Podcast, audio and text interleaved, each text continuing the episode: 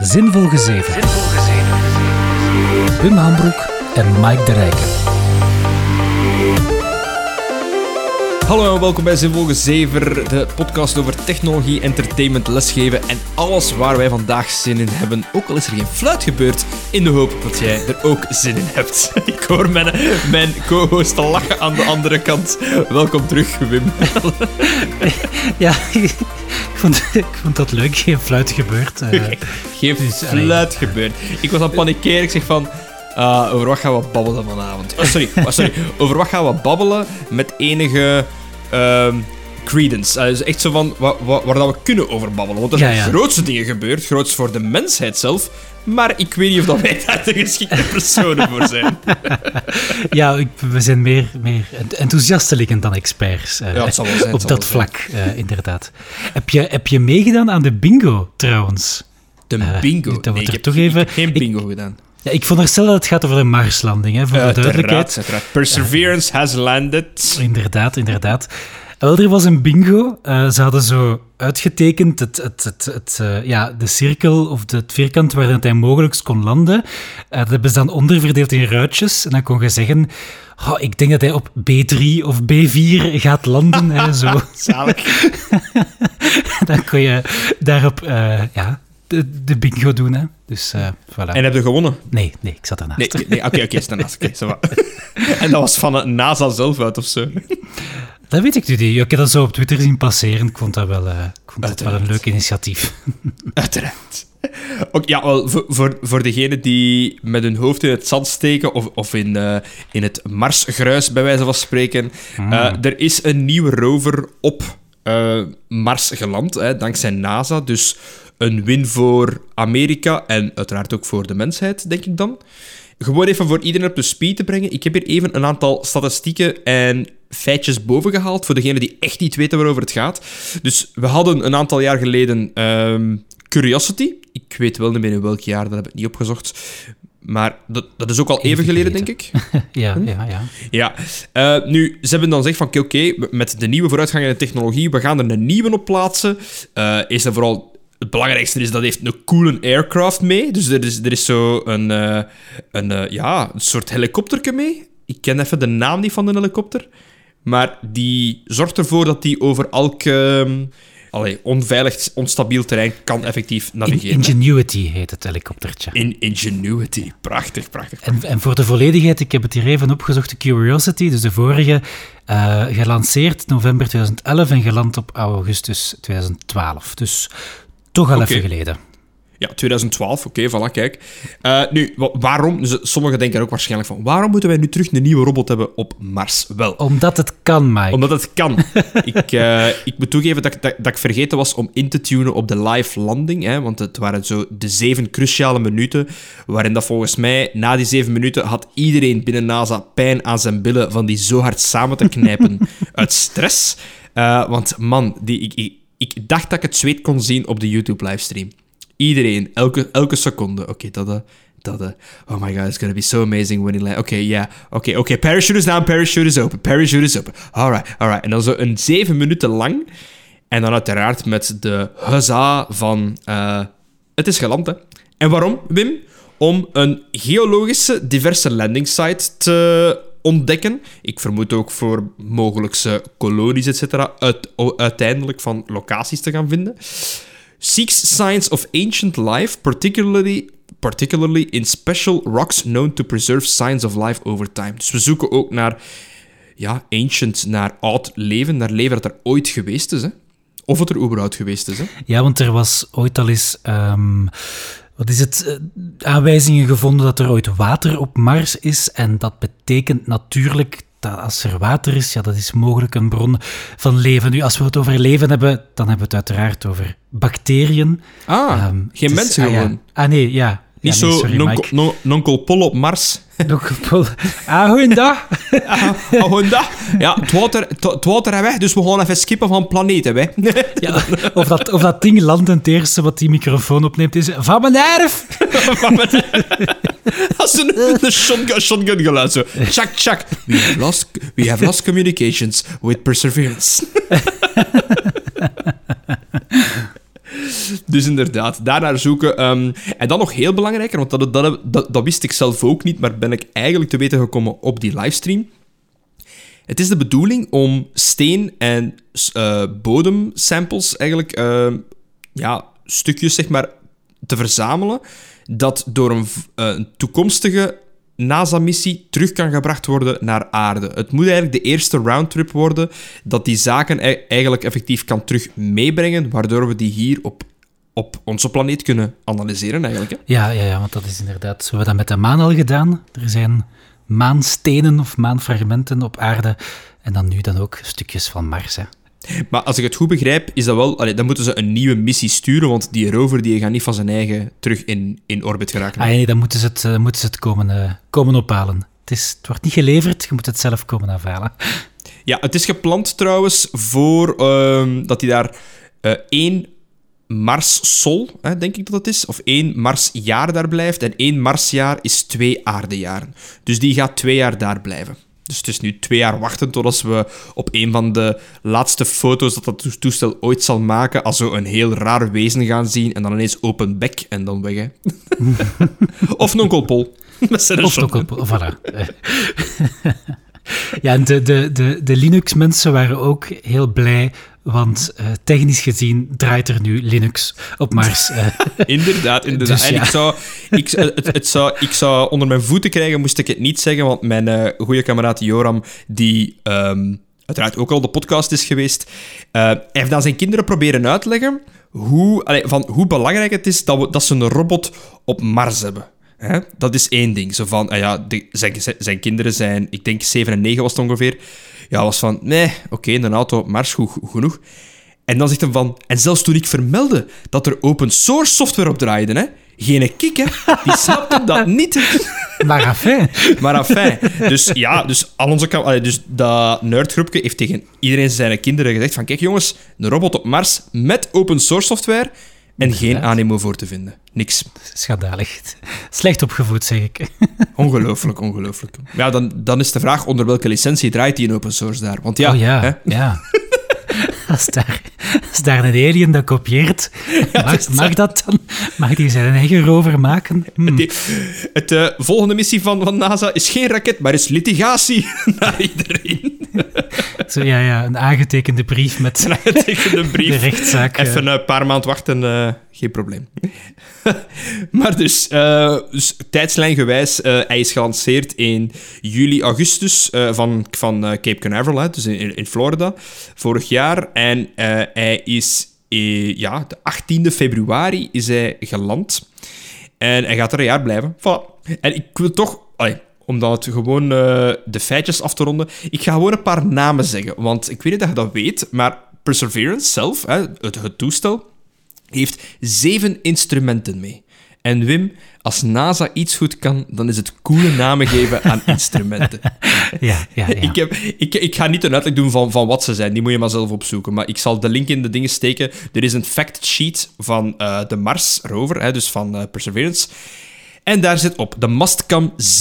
Dat is, een, oké, dat is nog Sava. Dat is een advanced camera system, panoramisch stereoscopisch beeld. Dat is degene dat, dat die foto's vooral doorstuurt. Uh Supercam. Oké, okay. imaging ge voor chemische composities. Oké. Okay. De camera, en, wat dan beter, ja. ja, ja. Pla Planetary Instrument for X-ray Lithochemistry. Afgekort Pixel. Uiteraard, we moeten dat kunnen een cool acroniem geven. Dat is een X-ray fluorescent spectrometer voor hoge resolutie foto's, etc. En dan, en ik denk dat deze wel mijn favoriet is, de Scanning Habitable Environments with Raman and Luminescence for Organic Chemicals. Als je nu even het noorden kwijt zet, geen probleem, want de afkorting is Sherlock. Ja. ik, ik verdenk de Daza ervan dat ze soms gewoon eigenlijk beginnen met het acroniem en dan zien van wat kunnen we weer inpassen. dus, dus ik, ik, ik ben uh, de Marvel Universe aan, aan het herzien en elke keer als ze daar SHIELD, zo uh, uh, for Homeland, Security and Extraterrestrial Life, bla bla En zo van, that's, that's a pretty long name. En dan de reactie is altijd, it's just someone who really wanted to spell SHIELD. dus inderdaad. voilà. Dan, dan hebben we nog een aantal, dus de Mars Oxygen Mars Oxygen In Situ Resource Utilization Experiment, of MOXIE. Dat gaat uh, proberen uh, lucht te genereren van de Mars-atmosfeer. Ja, ik probeer hier Engels direct te vertalen in het Nederlands. Het is moeilijker dan verwacht voor NASA-papieren, maar bon. De Mars Environmental Dynamics Analyzer, MEDA. Oké, dat gaat temperatuur... Dat, had beter kunnen, hè. Ze hadden, zo, ze hadden Medea kunnen doen. Ah ja. Ze gewoon nog zo... Ja, dat gaat Medea, Dynamics dus Environment Analyzer of zo, dat is wel dan dubbelop, maar kijk... Als je Sherlock doet, dan moet dat ook. Ja, dat vind ik ook wel. Ja. Mars Environmental Dynamics Equal Analyzer, whatever. Gewoon, gewoon een E tussen knallen. en dan uh, de Radar Imager for Mars Subsurface Experiment, RIMFAX. Ik denk dat dat mijn favoriet is. Dus RIMFAX. RIMFAX. Heeft dat een referentie naar iets of zo dat, dat ik niet ken? Dat klinkt als een, een de combinatie van iets seksueel met een hele oude technologie. Okay. En ook vooral, als je dat leest van dat het eh, a ground penetrating radar is, dan word ik daar alleen maar blij van, van zo'n dingen.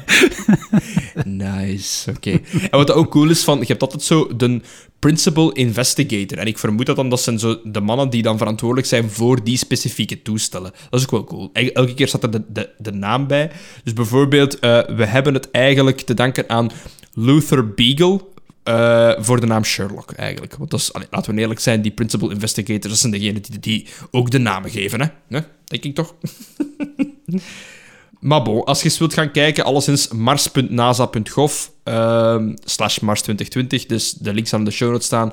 Je hebt daar zo een aantal 3D-animaties van hoe die een rover eruit ziet. Die ziet er echt wel cool uit.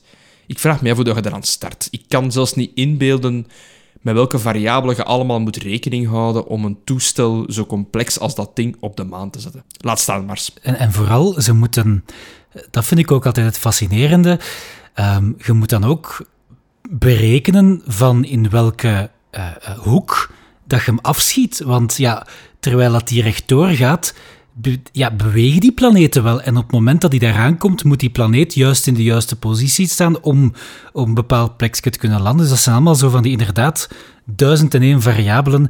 Ehm, maar ja, kijk, het is daarom dat dat eh, letterlijk rocket science is. Ja, dus de, Eh, er, is een reden, er is een reden dat dat een gezegde is. Hè, van looks like rocket science is van het is super eh, complex. Maar en toch wil ik daar iets over leren. Van niet per se zelf zo'n zo een keer een, een dag meedraaien in een aerospace centrum. En ehm, ik denk, hoe noemt die een heel bekende, grappige ehm, eh, aerospace of astronoom, denk ik dat hem is. Ik moet oppassen dat ik hem niet beledig. Ehm, dat is zo een eh, eh, Afrika allee, Afrikaans van origine, een hele dikke zwarte moustache. Eh, ik ben even zijn naam kwijt. Die is op elke talkshow en die kan zaken eigenlijk de lievenscheire versie van space doen. Tyson? Nee, nee, eh, DeGra- Neil deGrasse. Neil deGrasse. ah, Neil deGrasse Tyson. Ja, ja, ja, ja, ja, ja. Neil deGrasse Tyson. ja, die is. En die heeft dingen, wat is het? Space for Dummies of zoiets. Die heeft zo een boek geschreven. Ik zal zorgen dat het ook in de show notes staat. Maar we vullen het al. Ho, ho, ho. Die Ja, heeft ja. zoiets van Space for Dummies. En die legt het dan uit van waarom het belangrijk is dat je daar iets van weet en zo. Dat is wel heel boeiend. Ah ja, oké. Ja, en misschien voor, voor de mensen die zo denken van, waar is dat nou allemaal van nodig? Ehm, die, omdat het kan, van waarmee dat ik begon, is, daar zit een klein beetje waarheid in. Want soms moet je ook aan wetenschap of onderzoek doen, ja, voor de wetenschap. In de zin van, het kan zijn dat je nu iets aan het onderzoeken of aan het testen bent, waar nog niet meteen een praktisch nut voor is, maar misschien jaren later eh, wel. Eh, denk aan AI, die algoritmes of die, die modellen waarop dat gebaseerd is, dat is allemaal uitgevonden in de jaren 80. Ehm, toen was het allemaal heel theoretisch, heel wiskundig. Ehm, er was geen rekenkracht om dat in de praktijk te, praktijk te brengen. En dan ineens, 30, 40 jaar later, hebben we wel krachtig genoeg computers. Om maar te zeggen, het kan geen kwaad om gewoon eens een kijkje te gaan nemen en zoveel mogelijk data te verzamelen en dan te zien wat eruit komt. Hè. Oh ja, maar het, meest basis en het meest banale voorbeeld, en het moest alles heel snel gaan, eh, dan, of gelijk in de films, dan zouden wij op Mars toekomen. Wij zouden samples nemen. Binnen vijf jaar krijgen we die samples terug. En dan merken we dat, dat daar een stof in zit dat we eh, waardoor dat we op een of andere manier zodanig veel energie kunnen opwekken aan een zo lage uitstoot, dat we de energiecrisis hebben opgelost, bij wijze van spreken. dat kan als we iets vinden op Mars dat daartoe kan leiden. Nu, Mars, ik denk, is de, die planeet is eh, al genoeg onderzocht dat we denk ik al weten dat we daar niks allee, zot nieuw gaan vinden, zo van een die grootorde.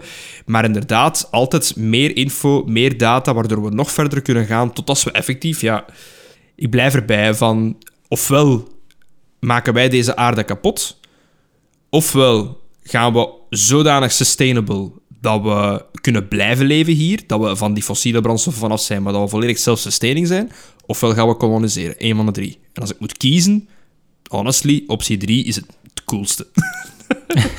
Dat is waar, dat is waar. Het probleem is dat het allemaal ver weg is. Hè. Reis naar Mars duurt eh, een paar jaar. Dus, ja, ik, eh, ik denk niet dat wij Nee. dat in ons leven gaan meemaken. Misschien wel de eerste kolonie op Mars, dat wel. Of op de maan, inderdaad. Het zou leuk zijn. Maar de maan, wat, wat is het nut van de maan? Dat is toch gezellig? Dan kun je het uitzicht op de, op de aarde. Maar ziet je de aarde niet vanaf Mars? Ik weet dat niet, hè. Ik weet dat echt niet. Ik denk dat dat net iets te ver... Ja, je ziet dat in de zin van dat is een klein puntje aan de hemel, net zoals Mars een klein puntje is. Ehm, kunt Mars vaak, als het, een, als het een heldere hemel is, kun je hem eruit halen, want die heeft een klein beetje zo'n een verkleurde schijn. Dat is niet wit-wit. Ah ja, oké. Eh, maar wat. Voor mensen die trouwens echt geïnteresseerd zijn in zo eh, Mars slash maanlanding. eh, ja, ten eerste de livestream van ehm, de, de Perseverance is, eh, is tof om te volgen. Zeker het moment inderdaad, zoals Mike zei, die laatste minuten waarin het hem effectief aan het landen is. Ehm, en ook een heel interessante podcast aanrader dan is ehm 15 Minutes to the Moon van de BBC.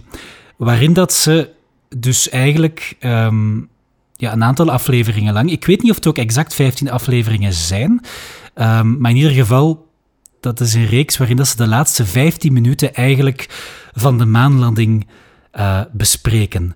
Maar, hè, dus ze pakken stukje per stukje en ze zeggen eigenlijk dan heel duidelijk: oké, nu gebeurt er dat. Hè, ehm, wat ze nu zeggen betekent dat. En dan gekoppeld aan interviews met personen die erbij worden En waarom dat belangrijk is, zo die erbij waren, inderdaad, waarom dat belangrijk is. En ook gekoppeld aan ja, heel de, de, de socio-maatschappelijke context van toen de Koude Oorlog en die space race, want Amerika wilde het eerst zijn. En het is echt, het is spannend, jong. Het is een thriller, want de maanlanding is op een haar na, eh, is dat compleet fout gelopen. Hè? Als ze er waren of als ze vertrokken? Toen dat ze er bijna waren, toen dat ze eh, wilden landen en dan ineens begon... Neil Armstrong had, eh, had de landingsmotoren in gang gezet en ineens begon dat ding een fout te geven. en je hoort hem ook zo zeggen, zo, ehm, hij zegt zoiets van, ehm, ja, error 82, error 82. En is zo een paar seconden doodse stilte. En dan vertellen ze dat ze dus bij NASA in al hun boeken aan het zoeken zijn. Wat is dat? Wat is dat? Die, die code? Wat is dat? Iemand? Snel! Ehm, dus, ja, dus dat ding, dat, dat, dat computerprogramma was aan het crashen, omdat, hier komen we, door een niet gedocumenteerde functie in de hardware. Die daardoor te veel interrupts aan het doen was, waardoor het werkgeheugen van dat ding vol geraakte. Want dat ding had misschien een halve kilobyte geheugen, als dat al was. Ehm, dus ja, zwart. Het volledige ver- verhaal op 15 Minutes to the Moon, maar ik vond het enorm eh, fascinerend, eh, pakkend en, en interessant. En daarvan, de takeaway is, documenteer je code, hè. Alsjeblieft. Inderdaad, goede documentatie. Want eh, voor hetzelfde geld waren ze gestrand op de maan hè, en dan waren ze niet meer teruggekomen. Stel je voor dat je daar vast zit, dan krijg je zo de real life The Martian. Alleen The Martian dan. Hoe gaan we dat vertolken? Ja, maar je moet het niet vertolken. Hier zijn de beelden. Miljard. Oei, het is 13 minutes to the moon. Ik, ik heb mij alweer versproken. Oké, Ja, en nu dat we het toch over podcasts hebben, misschien even zeggen: dit is een podcast van mezelf en de, die gozer maakt de rijke dat ben hier ik, aan de andere kant van de lijn. Eh, en al onze meningen zijn die van ons, niet noodzakelijk die van EAB. Voilà. voilà. Moeten we er Disclaimer. toch altijd even bij zeggen. Hè? Goed, ik eh, dacht dat we de, het eh, Marsavontuur voor het eh, eh, midden van de podcast zo de goede meet, maar je ziet, het is dus toch wel het belangrijkste uit het er afgelopen week is gebeurd. Hè. Dus moesten we het toch even eh, aanhalen. Zinvol. Wim, jij had nog een aantal aanvullingen van de vorige keer. Ja, inderdaad. Ehm, eigenlijk al eentje die ik vorige podcast wilde zeggen, maar ja, Bert was zo'n interessante gast dat we het eigenlijk vo- voornamelijk over Portugal hebben gehad. Uiteraard. Ehm, wat moet kunnen. Ik heb mijn papier al ingediend. Ah ja, oké. Jij gaat, Sava. Ehm, nee, het, het, ging over uh, ten eerste een dikke dankjewel aan Arne, die dat uh, niet de podcast van vorige week, maar die van de week daarvoor voor ons heeft gemonteerd. En hij gaat dat nu, ik heb het hem gevraagd, hij ziet het zitten en hij gaat dat nu vaker doen. Um, dus Daarvoor alvast, Arne, hartelijk dank. Het zou ook zonde zijn, hè, want uh, het was ook een leercurve voor hem eventjes. Ik, ik durf bijna niet te vermelden hoeveel uren dat eraan gespendeerd heeft. maar allee, al die opgedane kennis, het zou zonde zijn als hem die wegsmijt. Allee, ja. Dat is ook waar, ja. Ja, de eerste keer duurt altijd langer en dan is het kwestie van, uh, van te oefenen. Hè. Of zoals mijn, uh, mijn docent op, op radio zei, van je moet vlieguren opdoen. Wat ik het eerste semester nogal verwarrend vond, want ik dacht dat ik in de foute opleiding zat, maar bon. Um, je moet veel oefenen. Dat is bij het programmeren eigenlijk net hetzelfde. Hè. Ja. Um, maar tijdens de montage had hij dan op Discord ineens een berichtje doorgestuurd van... um, omdat we het hadden gehad over de monopolieman die dan uh, een monocle zou hebben, maar dat bleek dan niet zo te zijn. Um, en dan zei hij, dat is eigenlijk een beetje een voorbeeld van het Mandela-effect. En wat is het Mandela-effect? Het Mandela-effect is, uh, is eigenlijk iets dat um, ja, een of andere uh, zo pseudotherapeuten heeft uh, uitgevonden. Um, maar je kent dat als er een leuke term voor iets in de populaire cultuur bestaat, ja, dan gaat het, um, het, het, internet springt daar dan om, hè, op. Hè. Wat is het Mandela-effect? Dat zijn eigenlijk, dat is eigenlijk een beetje ja, een, een, een zij-effect, om het zo te zeggen, van het, het, uh, het false memory effect. Hè. Um, het geheugen van mensen is niet... Feilloos. Is niet feilloos, inderdaad.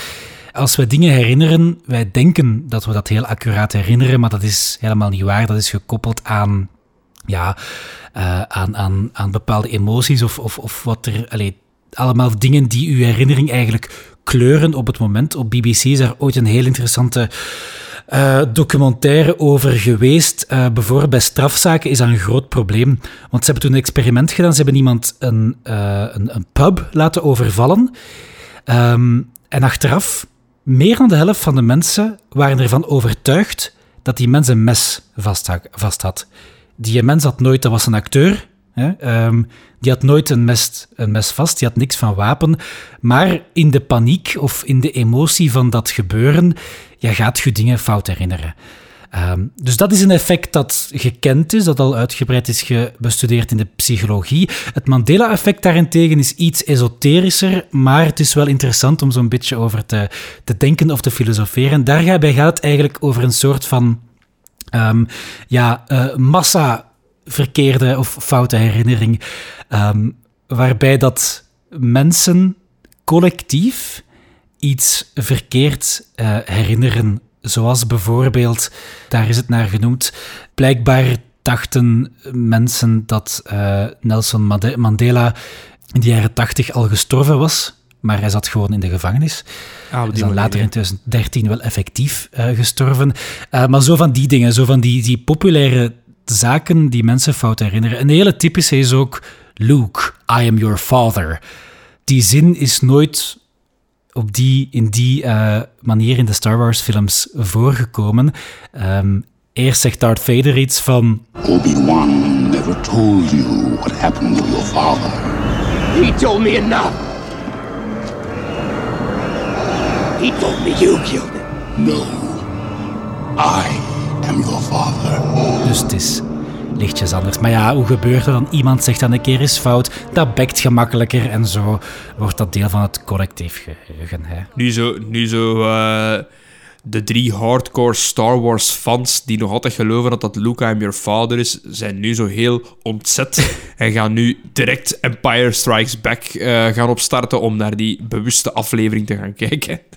die bewuste scène. Je moet de scène inderdaad maar eens herbekijken. Het is, het is wel degelijk uh, zo. Oh, trouwens, als je, als je Darth Vader wilt nadoen...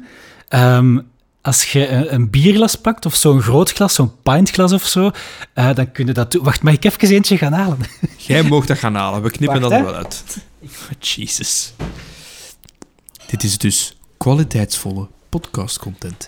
Alsjeblieft. En je hoort gechingle op de achtergrond. Ik heb nu een, een, een, Guinness-glas gepakt. En als je, dat, als je dat dan zo schuin over je mond zet en dan zegt... No, I am your father. Dan klinkt dat een beetje als Darth Vader. Ik weet niet hoe goed dat dat in de microfoon heeft gepakt. Ah, ja, ça va wel. Maar ik zou zeggen, iedereen op pauze, gaat uw glas halen en doet naar uw partner of uw andere ehm, kotgenoot of de mensen bij u- bij- die bij u woont, gewoon tegen hem zeggen... Sherry, I am your father. Uren entertainment. Join me, and together we can rule the podcast universe. voilà. Bon, Ja, enzovoort. die wil niet. Eh, maar goed, het is dus uitgevonden blijkbaar door Fiona Broom, ehm, die zichzelf een paranormaal consulente noemt. Oei, dus oei, oei. ik denk dat dat al meer dan genoeg zegt. Oké. Ja, waar is mijn vrouw als je ze nodig hebt? Hè? Ik denk dat zij er wel nog een Ja. mening over zal hebben. Waarschijnlijk wel. Goed, het Mandela-effect. Kijk, in mijn hoofd zal, zal de, de Monopoly Guy altijd een monocle hebben. Maar bon, Voilà, en, zo, en dan wordt dat gezegd op een podcast en voordat je het weet onthouden mensen dat en zo gaat dat verder. Hè. dus eigenlijk kunnen wij op deze manier, met gebruik maken van het Mandela-effect, kunnen wij eigenlijk zaken inplanten bij luisteraars. Ja, maar dat... JavaScript is de superieure taal. ah nee, zo niet, hè. nee, dat is eh, al factueel bewezen dat dat gewoon zo is. Dus het is, is in orde. Goed, Eh, wat had jij nog van Ik ga er zelfs niet meer tegenin gaan, ik heb de energie niet meer. ja, en dan had ik nog een vraagje eigenlijk aan u. Oei, de- Vraag aan mij. Ja, ja het is, ik ben iets heel stom tegengekomen. eh, voor, allee, twee weken geleden, toen ik punten aan het invoeren was. Oh nee. Ehm, ik was examens aan het verbeteren. En ja, ik- denk, zoals velen, voer ik dan die punten in een, in een, in een Excel-sheet. Uiteraard. Ehm, om dat zo te kunnen wat statistiekjes te berekenen, de gemiddeldes en de slaagcijfers en, en de mediaan. En als ik me echt... eh, als ik me echt maar je zegt eh, echt een grondige docent, hè? Ja, ja, je moet toch een beetje inzicht hebben. Hè. Maar goed, op een bepaald moment merkte ik dat... Nee, wacht, eigenlijk, ik zal u eens vragen. Kent jij een programma dat überhaupt reageert op scrolllock? Op scrolllock. Ja. Wat de hel is scrolllock? Ah, voilà, dat, dat is de, misschien de eerste vraag. Weet jij überhaupt wat dat scrolllock is? Is, is dat niet zoiets dat in dezelfde trant ligt als uw shift-toetsen? Als je vijf keer shift duwt, dan heb je zo een pop-up dat je krijgt in Windows, hè? Niet helemaal. Je hebt eh, numlock, die kent je vast. Ja. Voilà, naast numlock heb je, heb je ook shiftlock en scrolllock op je toetsenbord. Eh, staat meestal zo boven de, de home-toets en zo, dat, dat stukje naast de print screen. Godverdomme, ik heb die een toets. Ik zie dat hier. Ja, elk toetsenbord heeft dat, ja, buiten Apple natuurlijk, want die Oh ja, nee. smijten de helft weg. En dat is zo een van die toetsen waar dat ik denk, waar dat ik al eh, ongeveer 33 jaar van dacht van, och ja, dat is er. dat doet niks. Oké. Eh, of, of dat aanstaat of niet. Ik heb nog nooit een programma gezien of gevonden dat het effectief implementeerde. Tot mijn beste Mike. Tot Excel. Dat De, doet. de 3 februari 2021, laat het genoteerd zijn. Eh, dat is wat ergens begin deze maand alvast. Ja, Excel. eh, als de scrolllock aanstaan staat en je gebruikt de pijltjes om te navigeren, want normaal gebruik je de pijltjes om naar aanliggende cellen te navigeren. Ja. Ja, als je eh, andere waarden wilt ingeven. Ah, ik zie Als het. de scrolllock aanstaat, inderdaad, dan gaat hem scrollen met de pijltjes in plaats van naar de volgende cel gaan. Wat een nutteloze toets. Ja, hè? Maar dat heeft mij toch zeker vijf minuten googelen opgeleverd. Om te zoeken waar het dan aan lag. Wat is hier aan de, gan- aan de hand? Ik heb niks veranderd. En zo Excel afsluiten, terug opstarten. Maar fijn, vorige versie openen. Wat is dit allemaal? Wat is dit sorcery? Ja, echt eh, heel vreemd. Eh, dus ik heb, ik heb bijgeleerd, eh, dus effectief, om de scroll te activeren in, laten we zeggen, enkel Excel, tot mijn weten. Dat zou, ik zou niet, als als ik denk aan scrolllock, ik zou denken van. Maar ik, ik, ik had niet stilgedaan bij shiftlock en bij numlock. Want numlock activeert de numpad. Capslock zorgt ervoor dat je in capslock modus gaat, bij wijze van spreken. Maar ik dacht van scrolllock, dat blokkeert je scroll op een of andere manier. Maar ja, bon. Nog nooit van mijn leven. Ik heb het volgens mij de eerste keer in, ingedrukt, nu momenteel op mijn keyboard. En ja, het doet wat dat gezegd. Ja, ik, ik, Dus ik had het per ongeluk ingedrukt en, en ineens spannend. kwam ik daarachter. En dan denk ik, ja, wat hè, daar moet een mens 33 voor worden. jij hebt een vraag gesteld aan mij. Ik ga een vraag stellen aan u. Oké. Ik weet dat jij het antwoord weet. We hebben namelijk op eh, de podcast zelf, op eh, YouTube, hebben we een aantal opnames... eh, sorry, hebben een aantal commentaren gekregen. Hè, een aantal die we gaan overlopen. Eén die ook voor wel wat interessante discussie zorgt of een leuk topic is. Maar op de aflevering van Toiletgewoontes is er een, ik vermoed student, Joey, maar ik, ik ken de naam niet, hè, dus eh, Joey, die zegt, oh, oh god, ik ben die student die naar Mike is geweest. Het was Multech, by the way. Dus dat is aflevering 20, we zijn op aflevering 24. Ik kan even niet meer herinneren over welk, eh, moet ik het zeggen, verhaaltje ik heb gedaan waarop hij, bedoel, allee, waarop hij doelt. Dus maar jij weet het, heb, heb je mij laten weten. Ja, jawel, het is iets dat je langs je neus weg had laten vallen. Van dat, er, dat er ineens, hè, omdat je op de campus waart, dat er iemand naar je toegestapt was en gewoon was begonnen over de podcast. En dat je zo zei van... Ah ja. Enfin, ik weet, ik weet in godsnaam niet weet je dat, wat dat is. Ik weet zelfs niet welke studierichting dat hij doet. Ehm, en nu weten we het. Oké, voilà. Oké, Joey, dus voilà. oké. Joey en Bultek. Maar die, die, die is het pas volgend... Allee, ik heb nu de eerstejaars van, van eh, toegepaste informatica. Ik heb pas volgend jaar eh, de eerste lichting van nieuwe multimedia-studenten. Dus Joey, als je, als je deze hoort, eerst en vooral dank je voor trouw te luisteren. En eh, ik zie je in web, web 2, hè. Voilà.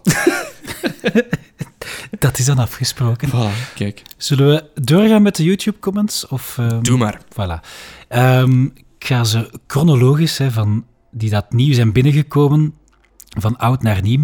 nieuw eh, te beginnen met Antoine, die heeft al regelmatig achtergelaten dat hij een podcast leuk en super vindt, wat wij natuurlijk ook leuk en super vinden. Uiteraard. Je ziet het niet, maar ik zit hier met twee duimen omhoog.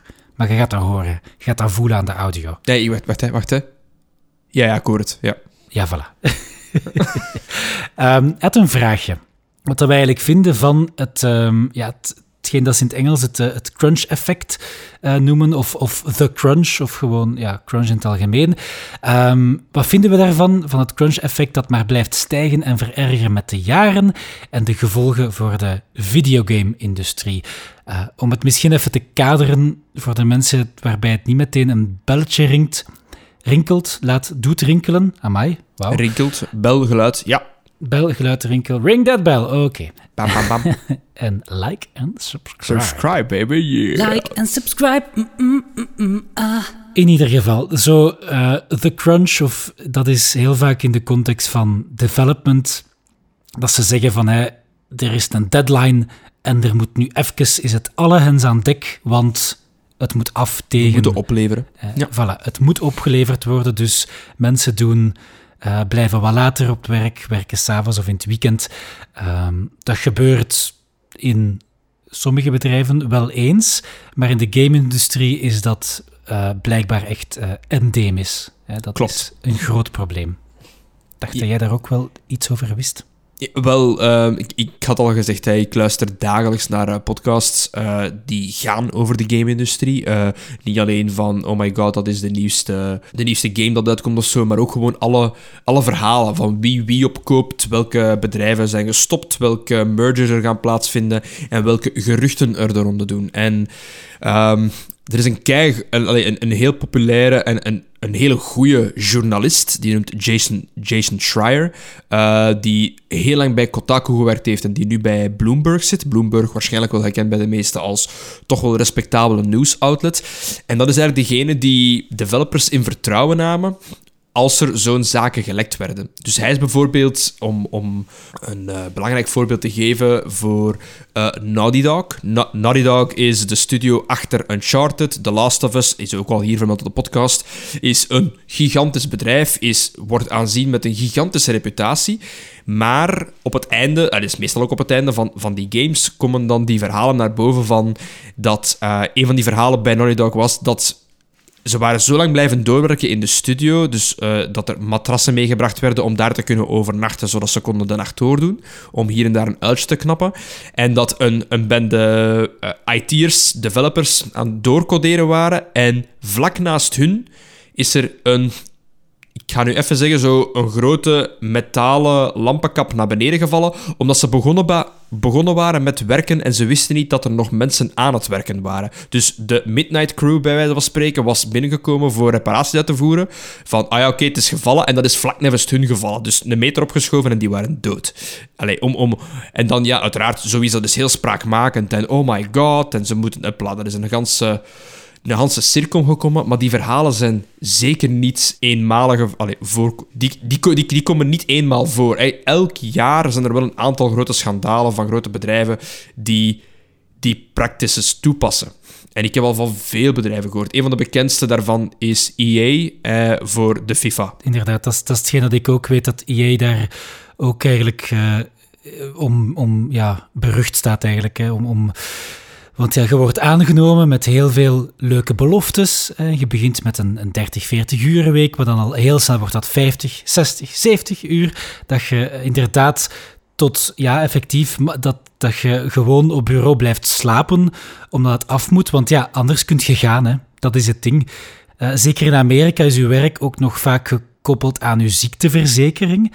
Um, als je geen werk hebt, dan heb je geen ziekteverzekering en dan zijn uw ziektekosten niet gedekt. Heb je geen betaalbare ziekteverzekering? Laten we het even zo Ja, stellen. voilà, inderdaad. Ja.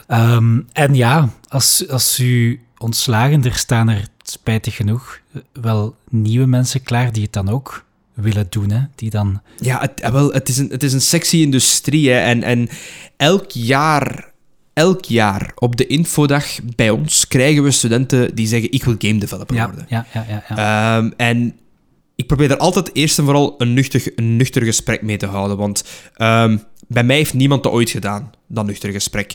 Namelijk, ik wou dat ook doen. Ik was die 18-jarige die heel veel speelde op mijn computer. Ik kon er ook wel, mee werken. Dus bij mij was de keuze gemaakt tussen toegepaste informatica of game development. En ja, ik, ik werd dan een beetje ontnuchterd door zowel uh, de uitleg. En dat, was, dat is niet. Het is geen uitleg om u weg te halen van een bepaalde school of van een bepaalde richting. Nee, het is gewoon omdat die zaken zijn allemaal zeer sexy voorgesteld, maar die omstandigheden zijn totaal niet aangenaam om van te werken. Onze eigenste grote bedrijven, namelijk, ik ga nu even een voorbeeld halen, Larian Studios, hè, de makers van Divinity Original Sin, uh, en de Divinity-reeks in het algemeen super populair geworden. Die zijn doorgebroken tot op het internationale niveau. Is een toonaangevende studio.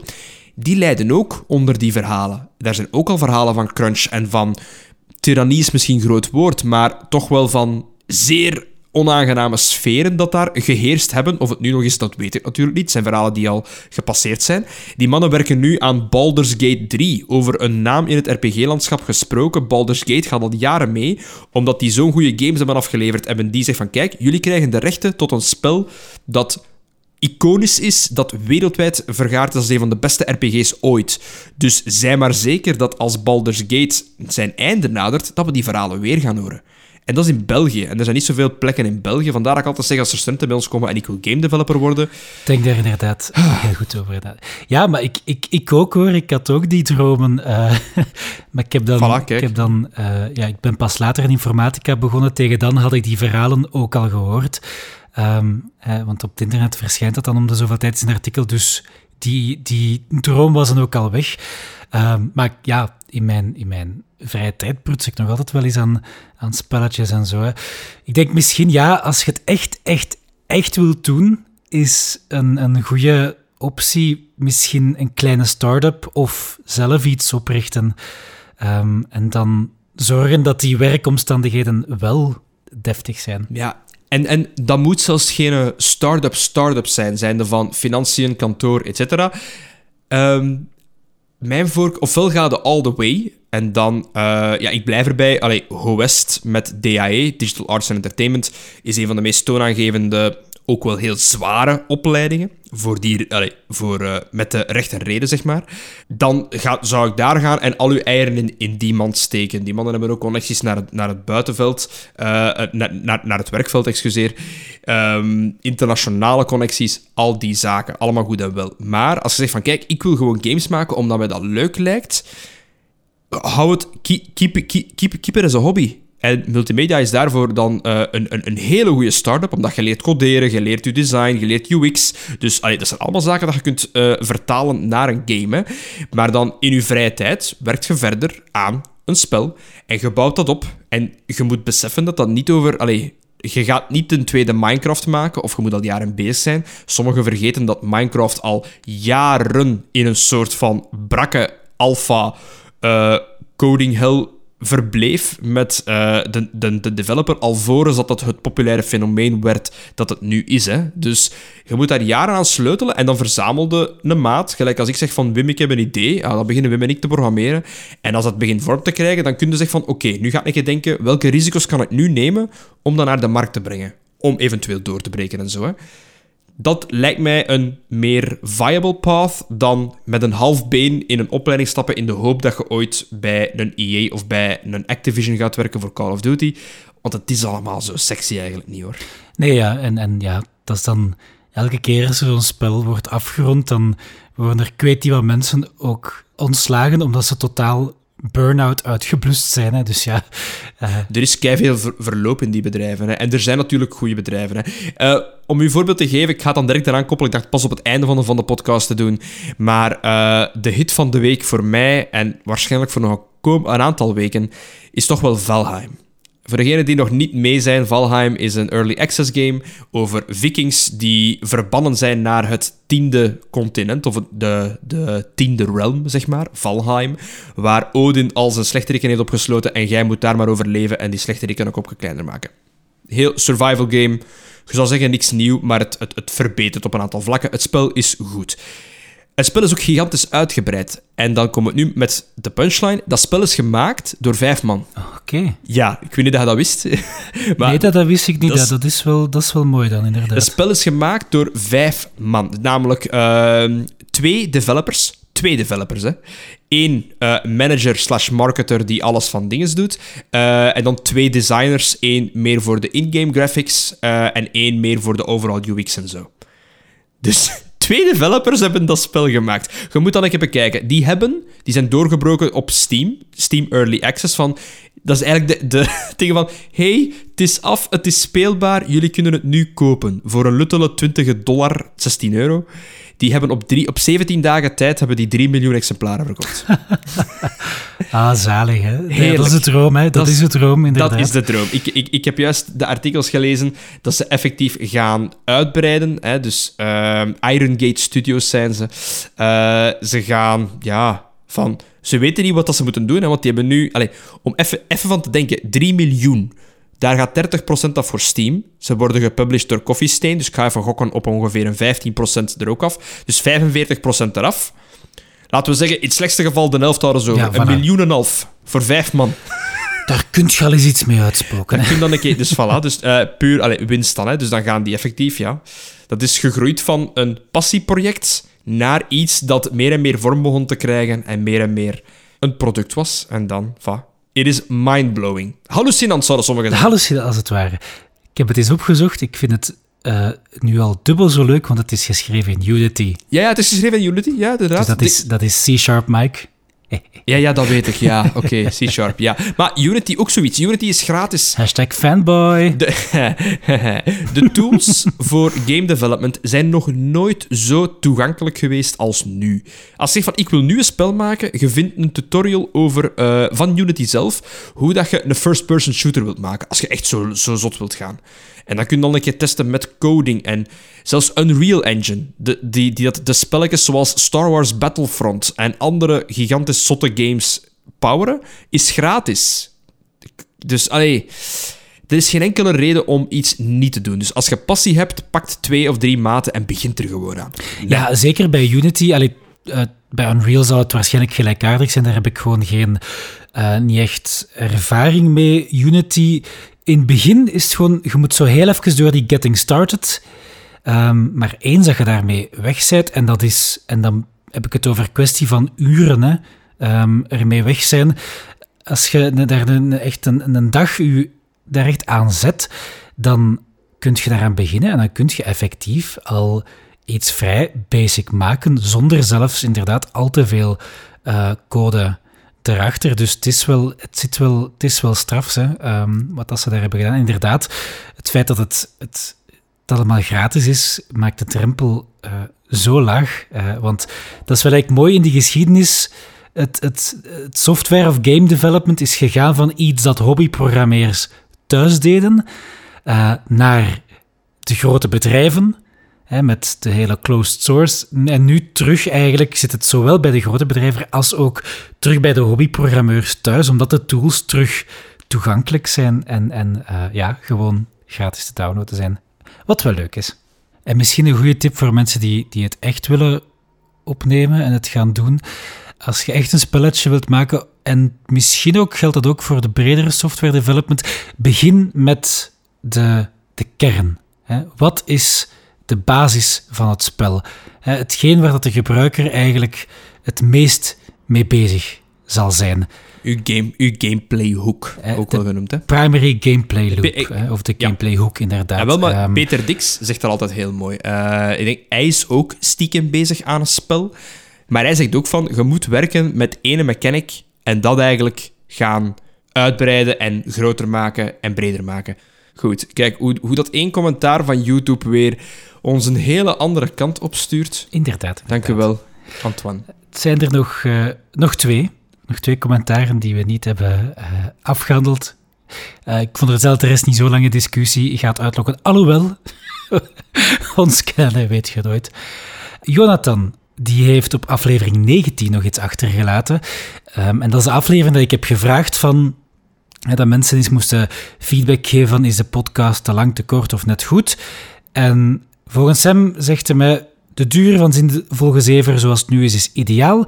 Maar een beetje meer of minder dan 1,30 uur is geen probleem, als het maar niet meer dan 2 uur is. Voilà. Eh, en zo denk ik er eigenlijk ook over. Voilà. En we, we, we pogen om dat, om dat middelpunt een beetje te bereiken, maar dat is niet altijd mogelijk. Maar ik denk van, als we ooit een keer terug nog eens zo... Als we dat twee uur punt benaderen en we weten en we voelen het is goed, ja, dan blijven we gewoon doorgaan en dan maken we er gewoon een two-parter van. Hè. Ah, voilà, inderdaad. Zoals een muziekpodcast. Oké, Joey hebben we gehad. Ehm, dat heeft David op de laatste aflevering, de... eh, de- Ja, eh, het? Janelas 90 e oito. ja, ja. ja. Eh, ja, de mensen moeten het zelf maar vertalen. Ehm, het applaus was er wel wat over, zegt hij. Maar dan vervolgt hij met merci en mannetjes, top entertainment. Dank u, David. Het was trouwens BBC-applaus, David. Dus het is eh hoog kwalitatief eh, applaus opgenomen eh, in de Royal Albert Hall uit de BBC Klankbibliotheek. En je moet weten, David, dat op het moment dat Wim zijn DVD-box of CD-box vond met al die dingen in zijn kast, heeft hem gelijk een kind dat zijn kerstcadeau open doet, ge-sms naar mij van Oh my god, Mike, zie je wel dat ik het moest bijhouden? Dit is geweldig! En dan, ja, volgens, volgens mij heeft hij de hele avond daarmee, daar- daarmee bezig geweest. Ja, ik, ik heb wel een paar sound effectjes beluisterd, ja. ja, ik wist niet meer dat ik die nog had, dus dat was leuk. Dat zijn echt zo 50 cd's met allemaal geluidseffecten.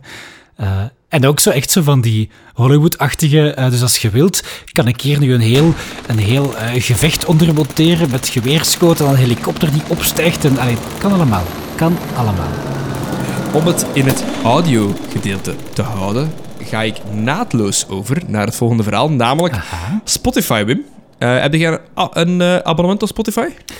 Eh, ik had dat voor developer-doeleinden, maar nu niet meer. Ik denk dat het tijd wordt om erin te nemen, Aha. want Spotify reveals hi-fi tier. Dus ze gaan een high fidelity ja, versie uitbrengen van hun eh, streaming service. Dus als jij die hele sexy boxen koopt met kra- kraakheldere geluid en dan Spotify met de hi-fi streaming quality, gaat er waarschijnlijk gigabytes aan, aan audio binnentrekken, maar het gaat wel lekker sexy klaar zijn.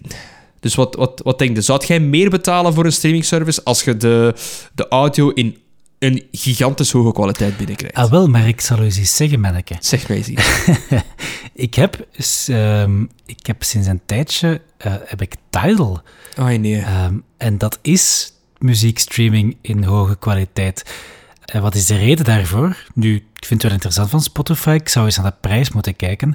Ik ben eerst begonnen met een gratis abonnement van Tidal om het eens uit te proberen. Uiteraard. ehm, met de hogere kwaliteit. Eh, maar, goh, misschien mag ik dat hier niet te luid zeggen, maar ik ga het nu toch doen. Dus Tidal, als je, als je meeluistert, eh, ja, zap even weg. Meneer Tidal. Meneer Tidal, niet luisteren, AUB. Nee, ik, gezien ik werk op de Erasmus Hogeschool, Mike, kan ik eh, op Tidal, en ik denk ook op andere streaming services, eh, kan ik mij als student opgeven. En dan krijg je 50% korting. Tidal kost normaal 20 euro, nu heb ik dat voor 9,99 euro, wat even duur is als Spotify. Eh, met het verschil dat ik nu alle muziek in, in hoge kwaliteit heb. Het enige wat wel anders is, en dat is eigenlijk het enige waarvoor ik misschien zou overschakelen, is dat Tidal niet de optie heeft om uw eigen muziek te uploaden. Ik weet niet of dat bij Spotify kan. Geen flauw idee, maar waarom... Ja, in mijn geval, waarom zou ik dat doen? Maar jij zou je bibliotheek willen digitaliseren, neem ik aan. Ik heb nog een hele grote bibliotheek die ik vroeger op Google Play had gezet. Eh, dat is nu YouTube Music geworden. Ehm, ja, dat zijn toch een 10.000, 15.000 tracks dat daar ondertussen op staan. Dus ja, ja muziek eh, die ik verzameld heb doorheen de jaar. Sommige dingen ook ja, van toneelstukken of zo. Eh, sommige dingen die ik zelf heb gemaakt. Dus dat is, ja, dat zijn allemaal dingen waar ik soms nog wel eens naar wil luisteren. Ah ja, oké. Of mee wil uitpakken op feestjes, van kijk, Kijk welke rare, obscure eh, samenstelling uit eh, 1974 ik hier nog gevonden heb. En ik vind, het, ik vind het altijd een klein beetje een soort van, van ja, hoe moet ik het zeggen, eer of, of verdienste van als ik iets heb ontdekt dat niet op streaming staat. Van, haha, maar ik heb hier een plaat of cd die dat jij niet hebt, Spotify. Ehm, dus dat vind ik dat zoiets van, yes, yes, ik heb iets, ik heb iets echt obscuur gevonden. Ik eh, denk niet dat je je eigen... Niet... Kan dat met eenders welke service? Eh, ja, ik zeg het, Google Play en nu YouTube Music kon en kan dat. Maar dat is dan niet hoge kwaliteit, dat zijn mp3's dan. Ah ja, oké. dus het is- niet als jij hoge kwaliteit uploadt, dat je dat gaat houden en gaat dat converten eigenlijk. Ja, inderdaad. Oké. Spijtig genoeg wel. Spotify, als, als je dat erbij doet, dan kom ik af. Anders blijf ik Dan even komt de afzichten. bij mijn studentenabonnement title. En dan hebben we nog een laatste commentaar. En dan zijn ze allemaal afgewerkt van eh Atix 15. De vijftiende der Atixen. Ehm, zegt ook op de laatste podcast... Fijn om de Bert nog eens te horen. Bedankt voor deze podcast. Wel, Atix, graag gedaan. Ja, ik ga, niet, ik ga niet ik weet wie dat, dat is, want dat is iemand van onze campus. Maar om zijn nickname, eh, moet ik het zeggen, om hem anoniem te laten, zal ik het even zo laten. Ja. Maar eh, ik, ik knipoog naar hem en ik zeg van, hey, tot morgen op de campus. maar bon. Ja, nee, ik weet niet wie het is. Ik had al zo stiekem eens doorgeklikt naar de video's. Ehm, maar er staat, allee, er staat niemand herkenbaar op. Ik zeg het Dus- u, na deze aflevering. Zinvol. Gezever.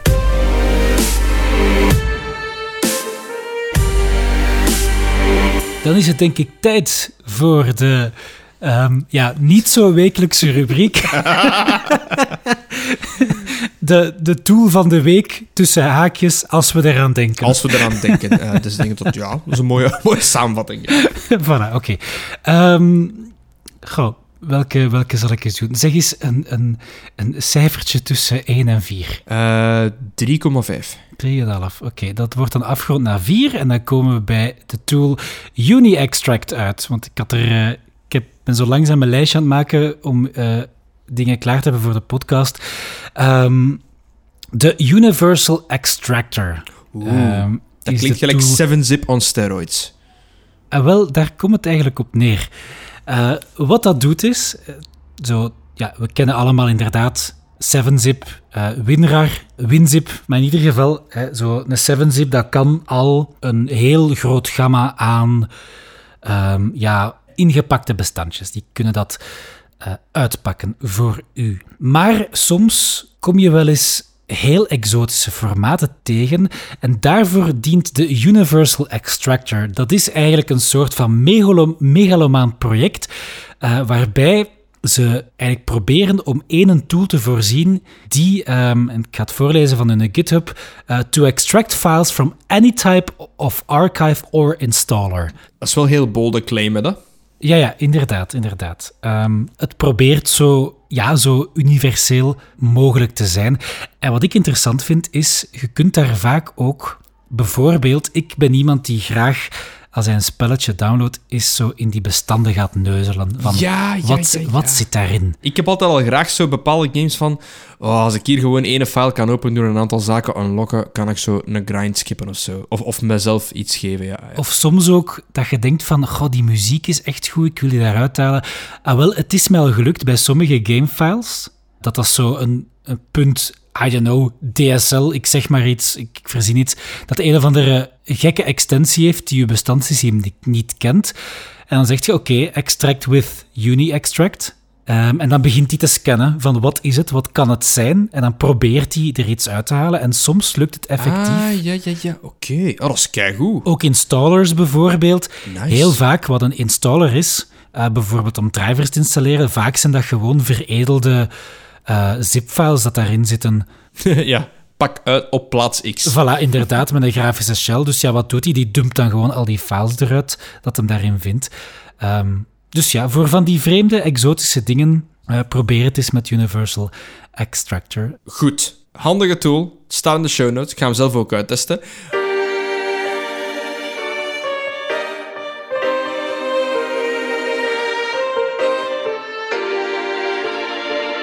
Zinvol. Vandaag was het eh, mijn eerste les backend. Hè, het vak over PHP, eh, webservers achterliggend. Heel gezellig. We passen design toe op code, niet op kleurtjes. Jawel. Ehm, en morgen is het mijn eerste fysieke les in quite some time. Ik kijk er zo hard naar uit, je kunt je dat niet voorstellen. Volledig coronaproof, uiteraard. Ehm, eerst en vooral in de voormiddag is het frontend. Eh, dus dat is mijn andere keuzemodulenvak van multimedia. Ook superleuke opdracht dat we morgen gaan lanceren. Ik ben benieuwd hoe dat ze gaan reageren. En dan in de namiddag geven wij les, hè, samen. Ja, tevens ook mijn, eerst, mijn eerste les in maanden. Hè? Eh, of eerste, Fysiek, live, ja. eerste fysieke les, inderdaad. Ja. Eh, ja, ja, Eh, ja, ja, ja. En, en welk vak is dat, Wim? Laat daar nu de introductie over. Het fantastische p- p- integratieproject, of officieel Integration Project. Project, ja, voor de tweedejaars van toegepaste informatica. En ik wou hier toch een klein momentje eh, in, allez, inlassen om gewoon even te...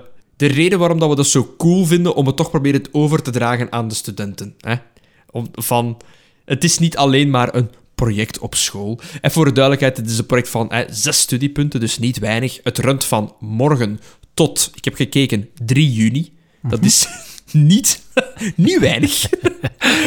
Eh, ik denk dat dat vlak voor de examens of zo dat dat, dat eindigt. Eh, en ik heb gekeken naar, naar de planning. De laatste week van mei, dat overloopt dan in juni. Elke dag is het project. Dus dan is het echt... Gaan! Ehm, nu, Wim, ik, ga misschien, ik zal het misschien aan u eerst overlaten van... Waarom is Integration Project zo cool? Omdat dat cool is. Nee, eh, het is ten eerste iets dat in het bedrijfsleven heel vaak voorkomt. Ehm, heel vaak. Hè. Picture the scene. Je zet een bedrijf, je hebt ooit een keer eens een office aangekocht ehm, en dan koopt je een ander pakket aan waarin dat je boekhouding doet en dan heb je nog een derde pakket waar dat je je klanten bijhoudt, maar op een bepaald moment wilt je toch graag dat ja, die boekhoudingsoftware ook weet welke klanten dat er in het systeem zijn en eh, dat je dan ook misschien een Excelletje daarvan kunt trekken. Wel, op dat moment moet je integratie doen, want je kunt niet de chef blijven betalen die inlogt in boekhouder 2000, daar een export doet en dat dan vervolgens import in eh, de andere software. Eh, En nee, omgekeerd. Ja. en omgekeerd, inderdaad. Daar verliest je tijd aan, dat kost geld eh, en is inefficiënt. En daar gebeuren fouten bij, hè, als het manueel moet gebeuren.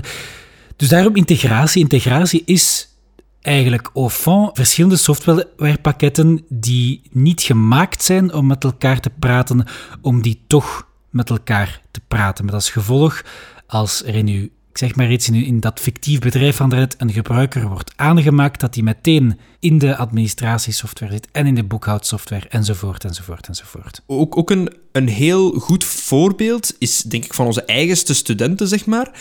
Eh, als een account, een user-account. Dus mike.terijken.ehb.be, wat dan mijn, mijn werk-e-mail is.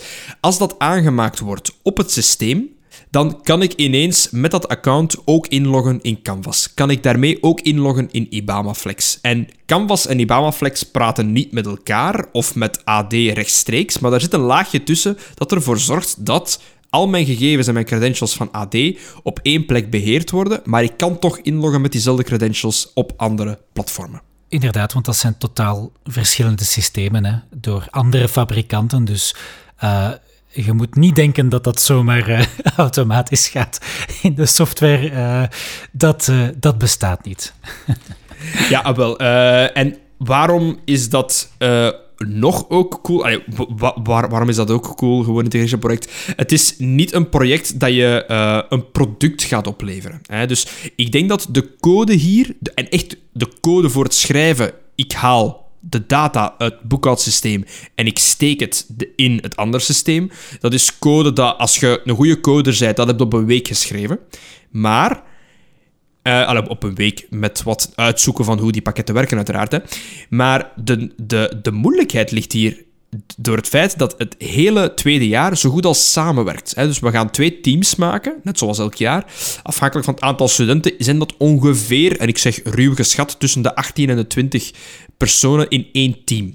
Dus die moeten samenwerken. En die krijgen vijf softwarepakketten voor hun kiezen, waarin dat zij zelf moeten gaan beslissen, oké, wie pakt die softwarepakketten aan? Zij verdelen zichzelf in die vijf teams dan. En er is effectief een hiërarchie. Een hiërarchie in de zin van, uh, net zoals in het echte bedrijfslezen, mensen die het hele plaatje overzien, die uh, de planning uitdelen, die conceptueel vooral hard gaan nadenken hoe alles uh, in elkaar zit. Dat zijn de programmanagers. En dan heb je de teamleads. Dus voor zo'n individueel pakket heb je een aantal developers en testers en een teamlead. Een teamlead die eigenlijk communiceert met de programmanagers om te weten van, kijk, wat moet mijn team nu doen om alles up and running te krijgen? Dat boekhoudsysteem. Oké, wij kunnen schrijven binnen... Allee, wij, wij, kunnen een user aanmaken in een boekhoudsysteem en we kunnen het eruit lezen. Maar hoe moet die user eruit zien? Als jij iets doorgeeft van uw office, Zit daar een naam in? Zit daar een e-mail in? Of zit daar allebei erin?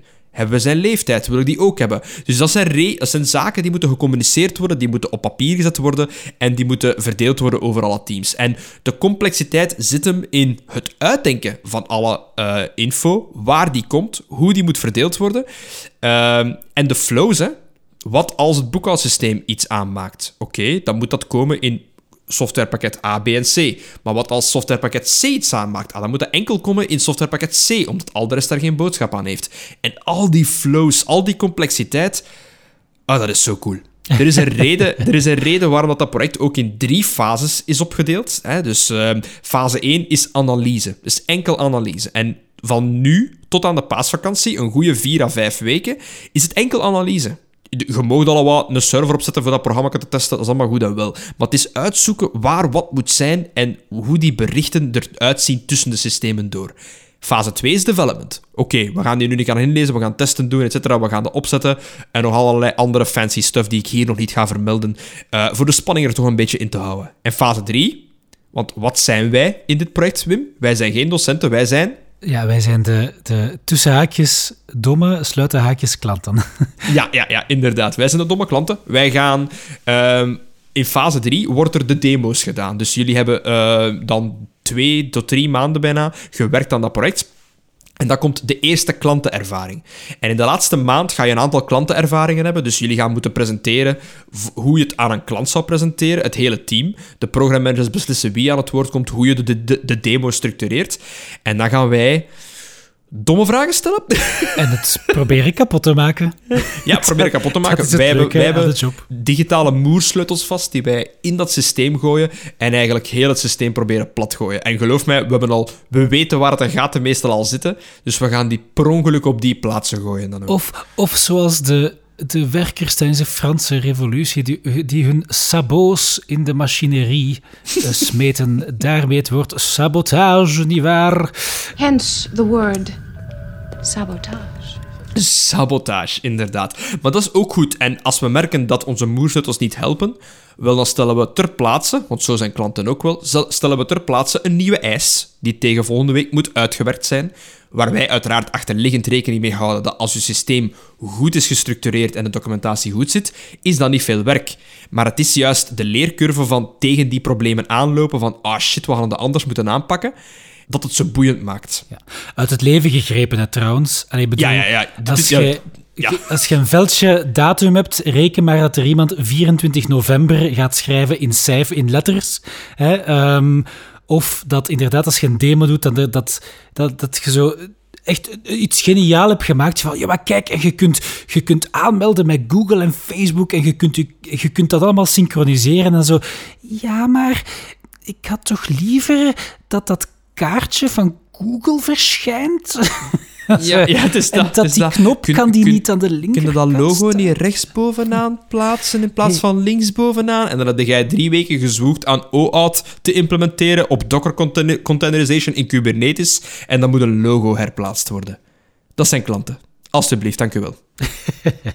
Nu, we gaan ook wel iets meer functionele vereisten steken, maar daar komt het wel op neer. Ehm, Ja, en ja, het, het is ook van... ehm, ik vind die rollenverdeling altijd heel leuk. Want ik denk, initieel denken mensen altijd van... Ah, oké, als ik teamlead ben, ça va. Of als ik eh programdirector ben, dus programmanager voor het hele team. Dus dan heb je 15 man onder u als duo. Ah ja, dan moet ik amper coderen. Nee. Uw werklast stijgt alleen maar. Het is een beetje anders vormgegeven. Hoe hoger je gaat in de ketting. Naam, een goeie toch, hè? even voor de duidelijkheid. Het is niet enkel delegeren. Hè? Dus de programmanagers van, van vorig jaar kan ik. eh, ik herinner mij dat die mannen constant bezig waren met alles van eh, in, in kaart te brengen, documentatie aan het voorzien waren, bijspringen bij andere teams als die problemen hadden. Dus dat zijn ook de mensen die problemen heel snel kunnen oplossen dan ook. Ehm, die hebben dat geweldig gedaan. Die waren ook, en die hadden een, een hele leuke dynamiek, dat de ene meer stiller was en achter de schermen werkte, terwijl de andere dan de geschillen ging oplossen die er soms ontstaan in de teams bijvoorbeeld. En dat, dat hoort er ook allemaal bij. Dat zijn zaken die dat je in het werkleven echt gaat tegenkomen, die sommigen zelfs op een stage al tegenkomen, bijvoorbeeld. En wat ook leuk is, dat is hetgeen dat het, wat ik vind dat het cool maakt. En daar ben ik zelfs een klein beetje jaloers op, op de studenten. Want ik denk dat ik dit heel veel podcasts geleden ook al eens heb gezegd. Ehm, dat ik een klein beetje jaloers ben, zelfs op de studenten nu. Want het integration project of het integratieproject bij mij op school was veel beperkter. We hebben basically een, een appje gemaakt voor de VDAB. Allee, dat was, dat was heel tof, hè. Dat was een leuk project, dat was een toffe groep. Maar dit is veel groter en ook, ja, het is iets heel realistisch. Want ik zeg het, dat gebeurt in de business, eh, is, is heel vaak dat er dingen met elkaar moeten communiceren. En het leuke is, er gaat een bepaald punt komen dat je al die kleine stukjes gaat klaarzetten, dat op een server gaat zetten en dan ineens gaat dat zo allemaal werken. En ineens gaat je merken, om nu het voorbeeld van vorig jaar te gebruiken, je maakt een nieuw event aan. Ah ja, oké. Dat verschijnt inderdaad meteen in die planner en ook meteen ehm, op, die, op, op dat overzicht en, en ook meteen in de WordPress, waar dat we ze En beheren. in, en in de CRM. En in de Ja, CRM ja, ja. inderdaad. En ineens, ineens is dat overal als... Dat is bijna, bijna magisch eigenlijk, zo, dat dat dan zo... Dat dat werkt, dat dat gaat. En, en, en ook gewoon van ehm, uw begrip van de hele situatie. Want ik kan me voorstellen dat als ik morgen de briefing geef en ik mag dan met nog zoveel enthousiasme doen en nog zoveel plaatjes, dat gaat er morgen nog niet in zitten. Dat is normaal ook. Dus van de scope van dit project heb je nog niet gezien in de opleiding. Inderdaad, in het begin, in het begin lijkt het zelfs iets vrij klein te zijn, want ja, het zijn maar een paar pakketten. En hoe moeilijk kan het zijn? Wachtbaar. En hoe fout je kan zijn, inderdaad. Maar dan, vanaf het moment dat je na, zo, na een goede twee... Echt na de paasvakantie, hè, dan begint het te dagen. Dan is het zo van, oh, als ik iets doe, heeft dat impact op alles. En dan zo van, komt er zo één pakket, zeg, waar zit uw data? Ah, shit, dat moet ik ook nog doen. Ah ja, oké, voilà. Dus, allee, al die zaken, dus, dat is zo cool. Eh, het, zijn, het zijn vaak, vaak ook van die stomme dingen, hè. Dat één softwarepakket zijn datums in een Europees formaat opslaat, het andere in een Amer- Amerikaans formaat, formaat en je zit ermee, hè, met shit. ja, want, begin maar, hè. Want het Ja. staat fout en je moet een universeel formaat vinden, ehm, om maar iets te zeggen. Heerlijk toch. Ik kijk er echt naar uit voor eh, de briefing te doen. Eh, En ook zo, altijd, altijd heel leuk, de aankondiging van de teams in het begin. Want ze, ze, ze hebben hun voorkeur kunnen geven van welke rol ze willen opnemen in het project. Met motivatie. Maar het ligt uiteindelijk bij ons om de groepen wat samen te stellen met kennis dat we hebben over de persoon van andere docenten, hè, inclusief van u bijvoorbeeld. Je hebt ze vorig, vorig semester gehad. Ehm, gelijk bijvoorbeeld, ik, ik merk nu al in de huidige verdeling dat we een aantal teamleads tekort gaan hebben. Dus dan kijken wij zo'n beetje van, oké, wie heeft er meer in zijn mars en wie durven we voor, voor een een heter vuur te zetten. En dan gaan wij proberen die, die call te maken. En ja, werkt dat, dan werkt dat. Werkt dat niet, dan, dan wisselen wij snel. Hè. Dus Voilà. we zijn er ook heel flexibel in. Want uiteindelijk, allee, ja, wij, wij, wij hangen dan wel de vervelende klant slash doc- docent uit, maar uiteindelijk willen we ook natuurlijk wel dat het project slaagt. Hè? Tuurlijk, tuurlijk, tuurlijk. Ja, nee, nee. Ik, moet wel toegeven, denk vorig jaar eh, heb ik de leiding ge- gekregen. dus ik heb die in mijn opdracht gekregen. Eh, ik heb dan direct, direct aan u gevraagd toen, ook al was er toen nog niks van sprake over de podcast, maar ik heb, op een of andere manier kwam ik direct bij u terecht van Wim, wilde jij dat samen met mij geven? Ik denk dat dat een goede match kan zijn. Ja, ik, ik, ik weet dat nog, omdat er waren twee collega's die plaats gingen hebben in in hun, eh, in hun programma. En dat was ik en nog iemand anders. Iemand anders weet ik eigenlijk niet meer. Ik ook niet meer, en- nee. En, zo is, het, eh, zo is het dan gegaan. Was waarschijnlijk Johan van den Broek. Dus ja, dat was een keuze ook wel snel gemaakt. Allee, ja, als- Oh nee, Mike, nee! Waarom doet je dit toch weer? ah, sorry. Ja, sorry. Ja, man, allee, bon. Ja, ja, als ik moet kiezen, kijk, weet je, allee. De avond is- was zo gezellig. Maar ja, met zijn situatie. Allee, je kunt er ook niet Allee, aan doen. Hè. nee. maar...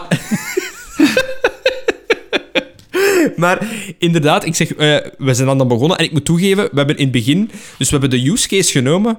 Maar we hebben die lat zo naar omhoog geschopt. Dat geen naam heeft, vind ik. Ehm, maar ik moet toegeven, ik denk... Die program managers toen... Dus van, van, van beide teams wel te verstaan... Die hebben dat zo goed opgevangen. Die hebben alles zo goed uitgewerkt. Ik was daar echt van verbaasd. We hebben toen ook samengewerkt met een aantal bedrijven. Ze hebben die presentatie gegeven voor die bedrijven. Ik heb die op LinkedIn gepost. Hoeveel positieve reacties, reacties dat ik daarvan heb gehad. En hoeveel aanvragen tot samenwerking met Erasmus Hogeschool Brussel dat ik daarvan heb gekregen. Ongelooflijk. En vergeet niet, als student, als je zo'n projecten goed doet, zeker de grote projecten, dat zijn ook dingen waarbij dat je kan uitpakken naar toekomstige werkgevers. Hè? Allee, ze vragen daar ook naar, hè? Bij sollicitaties. Ja, van, heb, heb, je, heb je ervaring daar iets in? Heb je daar iets al in Inderdaad. gedaan? En dan kun je Voilà. zeggen, kijk, ja, hier. En dan kun je je rol aankaarten. En belangrijk ook, dat als je, ook al zijt je tussen een hele dikke quote, maar developer, je gaat ook wel het begrip van het hele project wel mee hebben. Hè. Je, zei- je gaat nooit niet een persoon zijn die gewoon code aan het tippen is. Hè. Een goede student in het integration project, op eenders welke positie, kan zich eh, zeg maar eh, gaan heroriënteren of, of kan naar andere posities gaan om mee te gaan helpen. Dat is altijd mogelijk. Perfect. Dus we hebben die lat hoger gelegd, maar we gaan die van het jaar ook weer hoger leggen. De use case is iets anders. Die ga ik nog houden voor de briefing, uiteraard. Maar eh, ook weer dit jaar zijn er vier bedrijven die gaan samenwerken met ons. Dus wij gaan voor bepaalde onderdelen, kennis die jullie momenteel nog ontbreken, in verband met integratie, het zij op technisch vlak, op projectmanagement vlak, op analysevlak, al die zaken, voor elk luik hebben we een bedrijf dat een sessie komt geven die heel praktisch gaat te werk gaan om jullie daarin te begeleiden.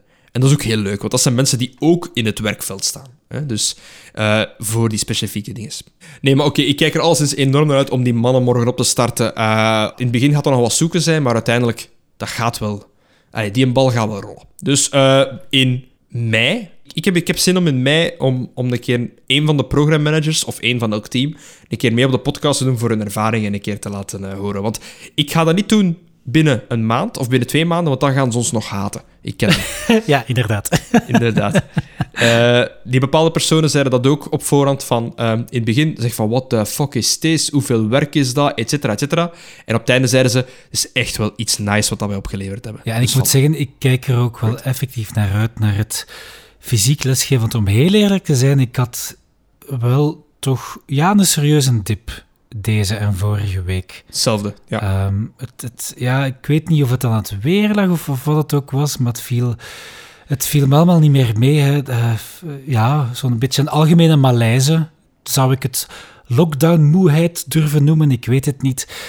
Dat woord is nog maar 500 keer gebruikt in persberichten. Dus ja, het is dat, het is dat. Dus eh, dat, is, dat is vast geen cliché Nee. tegenwoordig.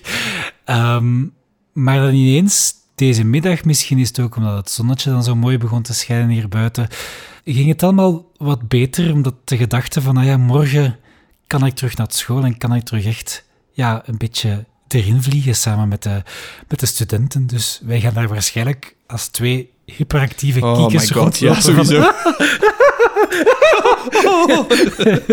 Zo, ja, dat ongeveer. Ah, ja, ik, ja. Nee, ik, ik, ik kan u volledig bijstaan. Ik heb eh, sinds...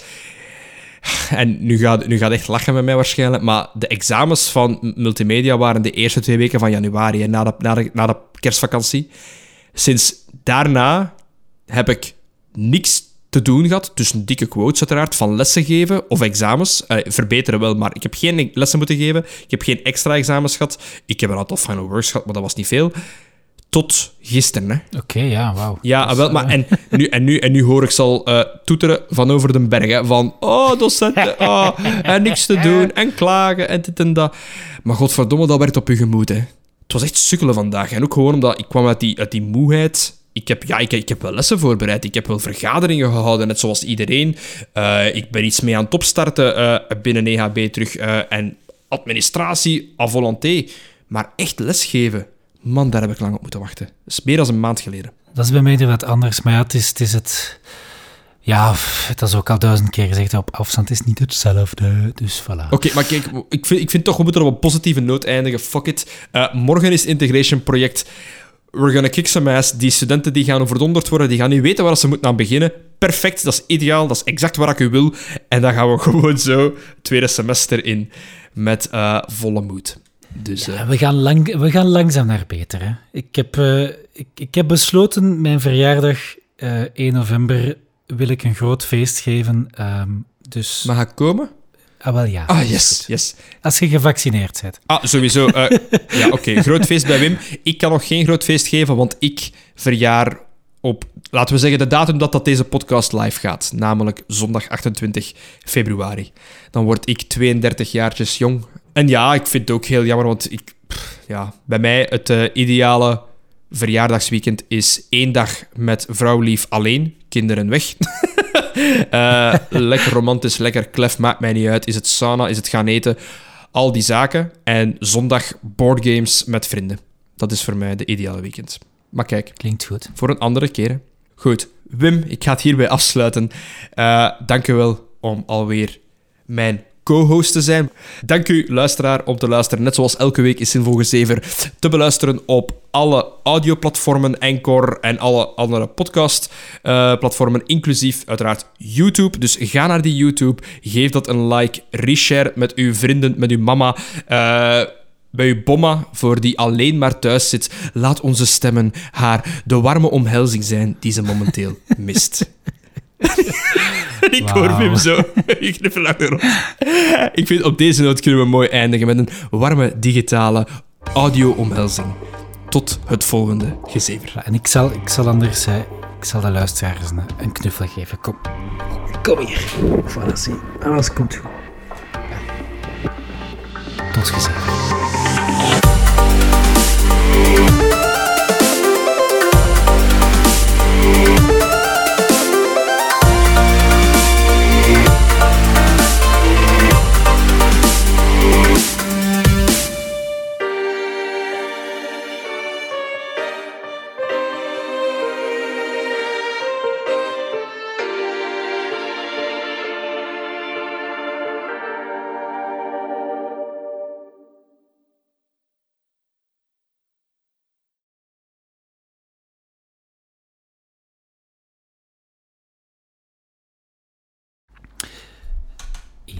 Drie. Mooi, Ah, wie schön. prachtig. Dan moet ik altijd zo mijn visualizer resetten, omdat hij dan zegt van... Een piek! Dit overleef ik nooit. dit, is, dit is te visueel voor mij. Oké. Ik zou moeten zo beginnen. Hallo, welkom bij de volgende Heel de aflevering is stemmetjes. Moet dat gewoon eens doen. En dan, maar er niks van zeggen. En dan zien wat, wat de reacties zijn. Morgen hebben wij les op campus en krijg jij van mij mijn Focusrite. Ik heb momenteel andere hardware die ik hier run en mijn Focusrite vergaart hier stof, dus je kunt de mijne gebruiken, waardoor dat je geen excuus meer gaat hebben om fucking elke keer te laten zijn. Maar bon, eh, voor de rest geen problemen hier in ons podcastteam. Ehm ik ga toch nog eens moeten napijzen over dat Spotify-abonnement. Maar bon, morgen op campus. Ja, Morgen op campus. morgen Eh, de 23e, heel blij dat ik 3 nog eens november. mag Of 24e. gaan geven. Wacht, sorry. Ik ga, ik, ik ga het opnieuw doen, want je valt weg. Ja, en ik was ook, eh, ik was ook echt ik, totale nonsens. Mag. niks. Onnozelaar. Goed. Ik, wilde iets ik- cool doen. Ik ga het even hernemen. Ja, dat is goed. Ik zal mijn bek houden.